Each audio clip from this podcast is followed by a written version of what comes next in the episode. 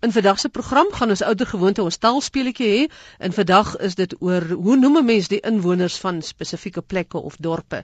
En nou gaan ek ook gesels oor die uitspraak van Franse name veral in die lig van die nuwe Franse president se naam, maar heel eers gaan ek gesels met professor Frank Hendriks.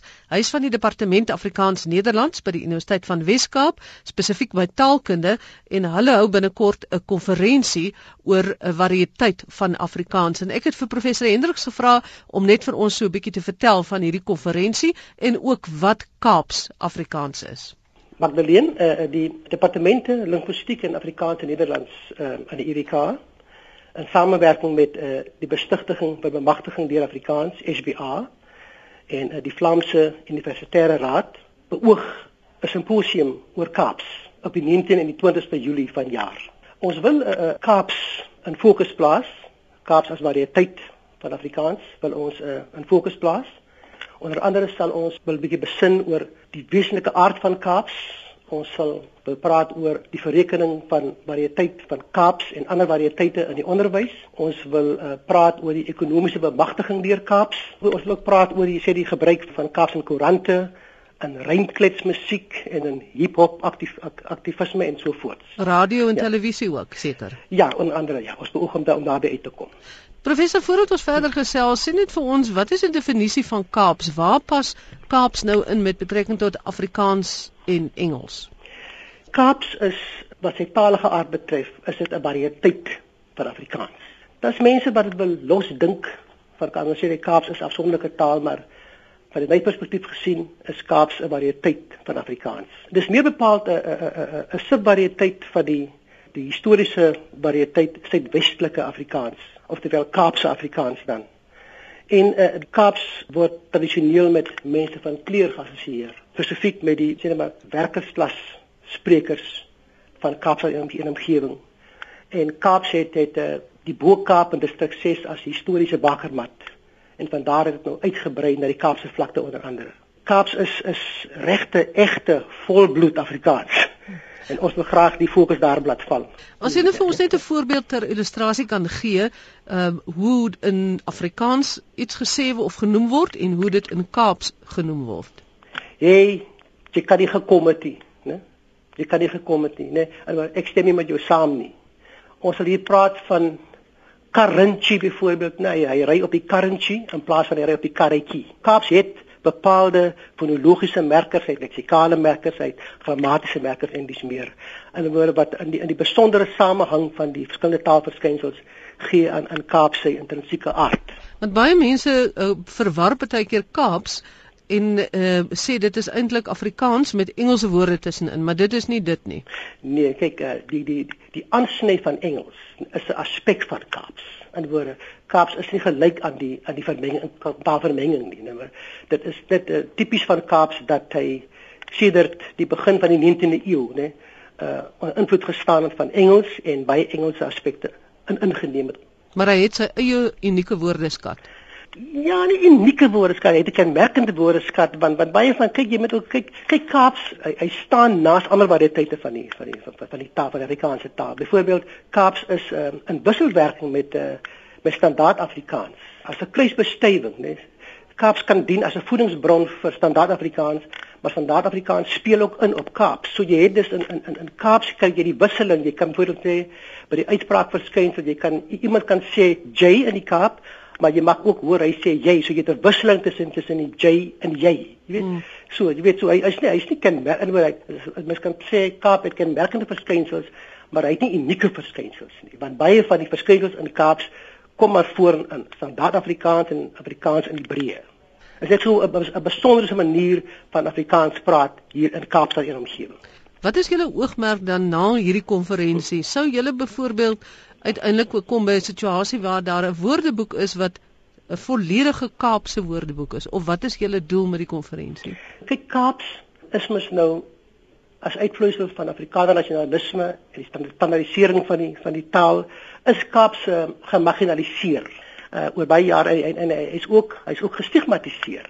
En ons ons wil ons wil juis uh, sê maar met die gesprek oor Kaaps wil ons iets daaraan doen. Ons wil kom ons wil Kaaps 'n bietjie losmaak. Ons wil hom in die sentrum bring. In 'n woorde ons wil uh, vir mekaar sê en ons wil ander vir oortuig, maar ons kan nie oor Afrikaans praat los van Kaaps en ander variëteite van kleur nie.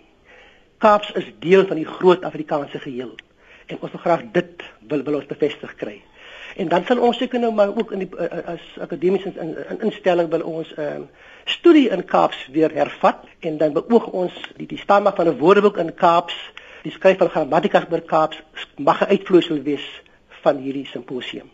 En Kaaps het natuurlik ook 'n baie kleurryke taal wat eintlik die die standaard Afrikaans kan beïnvloed positief beïnvloed. Baie baie positief beïnvloed ja. Is jammer is regtig jammer dat dat Kaaps in 'n groot mate geïgnoreer is oor baie jare.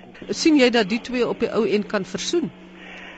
Ja, ek kan sien maar kyk dit kan versoen, maar dan moet ons die volgende doen. Kyk, uh, ek onderskei graag my besinning oor variëteite en wat ek noem wat ek noem 'n uh, hiërargiese perspektief op variëteite en ek praat dan ook uh, daarteenoor staan wat ek noem 'n gelyke vlak perspektief op variëteite. Nou die hiërargiese perspektief, jy weet hy hy hy hy, hy wil sê standaard Afrikaans is beter, is van 'n hoër waarde as die omgangsvariëteite waaronder Kaaps. Maar die gelyke vlak, die gelyke vlak van perspektief op variëteite, die jou praat sonder vooroordeel. Jy weet hmm. hy hy hy wil insien die potensiële waardigheid, die geldigheid van elke variëteit. Ons wil dus by mense as as ware 'n gelyke vlak perspektief aanwakker, né? Nee? Sodat ons uh, kan sien hoe standaard Afrikaans Kaaps en ander variëteite mekaar aanvul. Ek gaan nou vir jou groet in standaard Afrikaans soos wat ek dit nou maar op skool ja, ja. geleer het. Ja. In professor dan groet jy vir my in Kaaps Afrikaans. So ek sê baie dankie professor Frank Hendriks van die departement Afrikaans by die Universiteit van Wes-Kaap, spesifiek by taalkunde. Goeie Madeleine. Mag goed gaan met Jonah. Lekker, lekker ja. Ja, ek het gesê ons gaan ook praat oor die uitspraak van Franse name en na veral na aanleiding van die nuwe Franse president en ook dan die Franse vrou wat hoof is van die internasionale monetaire fonds en ek het vir professor Ernst Kotse, die taalguru gevra om vir ons 'n bietjie riglyne te gee oor die uitspraak van Frans. Die hoofprobleem is die uitspraak van 'n uh, konsonant of medeklinker aan die einde van 'n woord. Moet die ding weggelaat word of nie? Nou die reël is normaalweg dat uh so 'n um, konsonant of medeklinker nie uitgespreek word nie.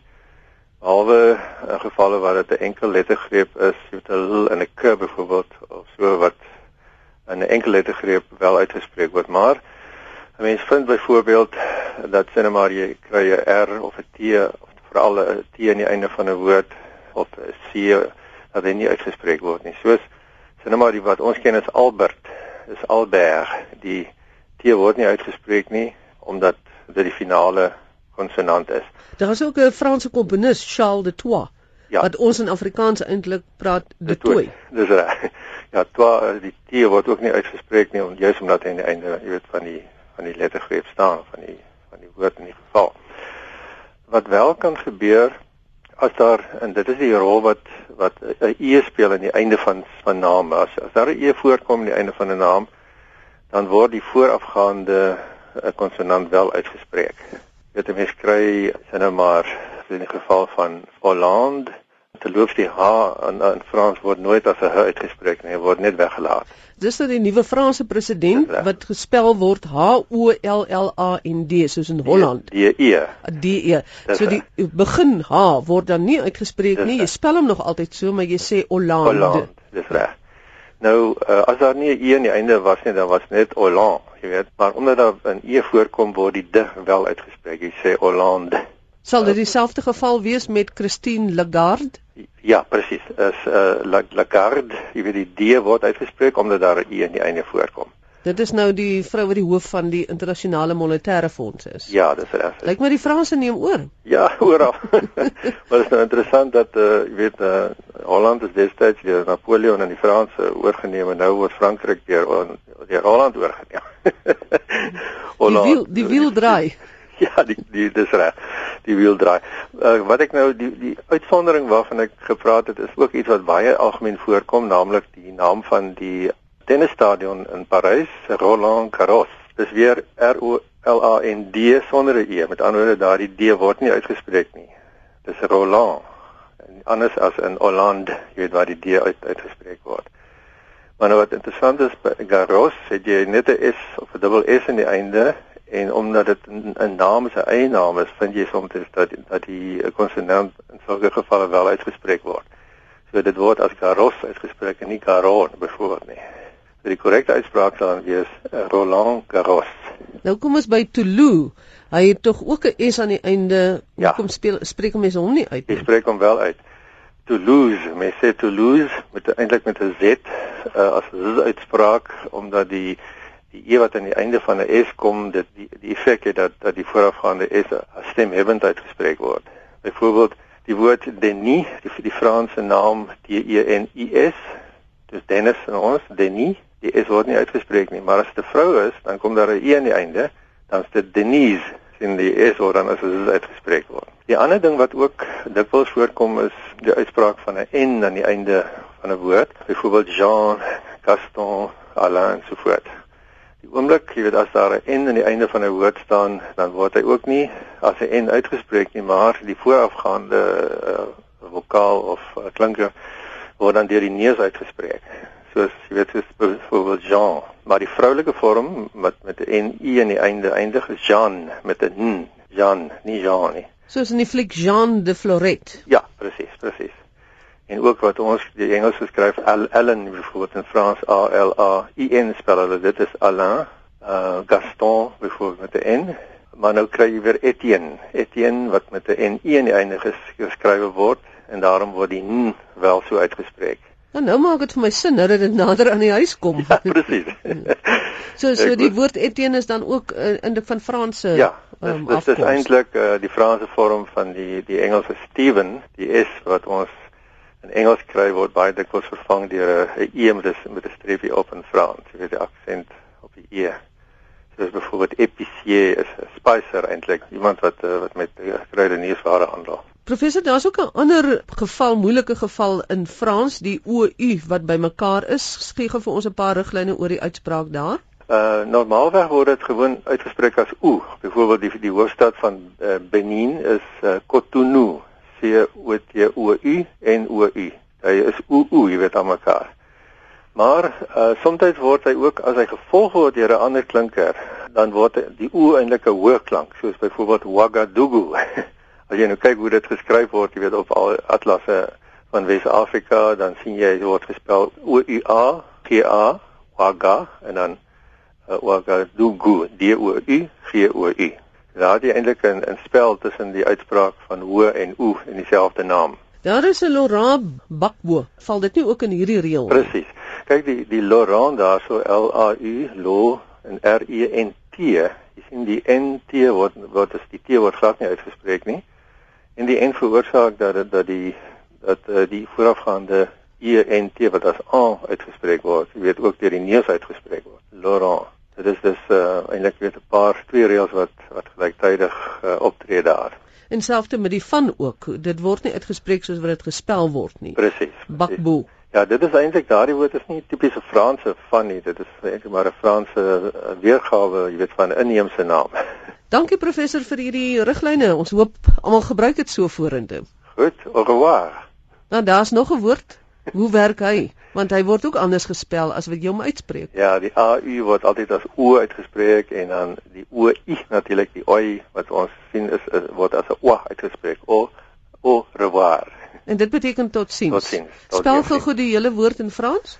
AU uh los R E V O I R. Soos in 'n reservoir. Dis reg. Professor Ernst Kotse het gepraat het oor die uitspraak van 'n paar Franse name. Ons bly by name. Hierdie keer gaan dit oor die name van inwoners van bepaalde plekke of dorpe en hier is ons taalspelletjie saam met Gerard van Huisteen. Na aanleiding van 'n vraag van Milton Webber op die Facebook bladsy van die Afrikaanse Taalkommissie, fokus ons vandag 'n bietjie op die name van inwoners van plekke. Met ander woorde, op name soos 'n Johannesburger of 'n Hamburger of so. Nou, die verskynsel lyk oënskynlik asof daar min sistematiek is in Afrikaans, maar dis 'n probleem wat veral joernaliste dikwels vinnig moet oplos. So vir die speletjie vandag sê ek die naam van 'n geografiese eienaam, byvoorbeeld van 'n dorp of 'n stad of 'n streek, en jy moet sê wat noem 'n mens iemand wat van daar kom. Ek sê met ander woorde Amerika en jy sê Amerikaner. Hier gaan ons met die eerste een. Bloemfontein. Greyton Parel Pretoria De Aar Belwel Klerksdorp en Kaapstad. Om ons te help, gaan ek vir Tomme Klaglin, verbonde aan Unisa en voorsitter van die Taalkommissie, bel en hom vra om ons te help. Tomme Klaglin. Goeiemôre Tom, dis uh, Gerard van RSG hier. Hallo Gerard. Uh, is jy gereed om ons te help met uh, daardie paar vrae wat ek vir jou deurgestuur het? Ek kan kyk of ek kan dit kan doen, ja. Nou toe, kom ons kyk na die eerste ene. Bloemfontein. Wel, dit is natuurlik doodgewoon Bloemfonteiner. En dis eintlik die algemeen mees algemene reël in Afrikaans dat jy net 'n ER agteraan plak, né? Nee. Inderdaad, ja. Dit is so. Dit is die mees algemene afleidings uh, waarmee 'n mens so 'n persoonsnaam vorm. Is dieselfde dan by Greyton? Inderdaad so, Greyton word Greytoner maar hier tree nou iets anders in en dit is naamlik dat die die laaste n verdubbel in die geval want anderste word die o van ton in Greyton sal dan ver, verleng as jy net een n het terwyl dit natuurlik nie gebeur by Bloemfontein nie so Greytoner maar dit is T O N N E R Uh die interessante ding is ook indien 'n mens net een e sou hê en daardie o dus verleng, dan sal die klem ook verskryf want dan sal dit moet word grey toner. Jy weet jy kan nie die die hoofklem dan op grey behou nie. Dan na Parel toe. Parel is 'n interessante een. Hier word die afleidings uh formans it gebruik. Perlit en dit word natuurlik gespel P A A R L en in Afrikaans is die uitspraak nie soos in Engels paal nie, maar wel perl en dit word behou ook in die in die persoonsnaam Perlit. En dis dit Paul was en dis 'n Paul lied, dan is dit dalk iets wat mense sing as jy uh is op een of ander stok sit. Inderdaad. Dan Pretoria? Ja, Pretoria is 'n interessante een ook omdat ons eintlik twee woorde kry. Mens kry ook Pretoriaan, maar dit beteken nie 'n inwoord van inwoner van die Suid-Afrikaanse stad Pretoria nie. Uh die inwoner van van ons hoofstad is 'n Pretoriaaner. 'n Pretoriaan is die is 'n lid van die ou Romeinse keiserlike wag. Dan kom ons by de aar. So twee woorde de en dan aar. Ja, sover ek weet is die inwoners van de aar is de aarite of dan nou in die enkelvoud natuurlik de aariet. Hier het ons soos jy weet 'n bietjie van 'n skryfwyse probleem omdat die naam twee woorde is. Nou die taalkommissie is op die oomblik nog besig met 'n ondersoek na sulke soort uh, sulke soorte name wat uit twee of meer dele bestaan om uh, te kyk wat die tradisie eintlik is of hoe ons dit behoort te skryf. Op die oomblik sou ek dit op die patroon van iets soos Port Elizabeth se of New Yorker of so iets sou ek de Arit nog steeds twee woorde skryf. En dis dan dieselfde it as wat ons net nou in Perliet gehad het. Juis, presies. Dan kom ons by Belwel. Belwel is ook 'n it vorm en dit is Belweliet. 'n Mens moet onthou dat Belwel se naam 4 L'e in het en Belweliet dus ook. Dis B E L L V I L L I E T. En kan jy nie ook 'n belwiller wees nie? 'n Mens sou seker 'n belwiller kon gewees het, maar uh die tradisionele vorm is in elk geval belweliet. Wat interessant is ook as 'n mens sou sê belwiller, dan gaan jy 'n bietjie 'n probleem hê met die met waar die hoofklem beval. Dit is 'n half 'n ongemaklike ding om te sê en dit kan ook dan nou snaaksrig klink nê ek bel willer op jou telefoon as wat jy bel op myne. Goed Tom Ja die... as jy jou knoppies baie wil druk ja. Dan die volgende een in Klerksdorp? Ja vir my is dit 'n baie interessante ding want ek sou sê het iemand wat van Klerksdorp afkom is 'n Klerksdorper. Maar as 'n mens nou praat van iemand wat in 'n dorp woon en sê maar nie in 'n op 'n plaas nie, dan sal jy hom 'n dorpenaar noem. Maar ek sou nie sê dat uh, iemand wat van Klerksdorp afkom 'n Klerksdorpenaar is nie. Ek sou sê dis 'n Klerksdorper. Die volgende een is Kaapstad. Kaapstad is 'n interessante een want daar's eintlik twee moontlikhede. Die een is dat 'n mens dit uh, iemand wat uit Kaapstad kom 'n uh, Kaapenaar kan noem. Maar ons moet onthou dat Kaapenaar baie uh, dubbelsinnig kan wees omdat dit ook iemand kan benoem wat uit die Wes-Kaap kom of in die ou dae uit die Kaapkolonie kom. Naas Kaapenaar is daar ook nog die vorm Kaapstadter wat dan nou eenduidig sal wees iemand wat uit Kaapstad spesifiek kom. En hier is 'n interessante verskynsel dat ons nie die D verdubbel nie, maar die 1 D vervang deur 'n T omdat dit die uitspraak weergee. Dit is dus Kaapstad T E R waar jy die die persoonsnaam met die byvoeging van T E R vorm.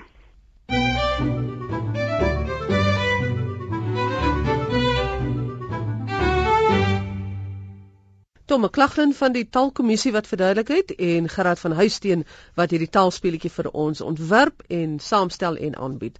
Groete dan van my Magdalene Creer tot 'n volgende die tale wat ons praat.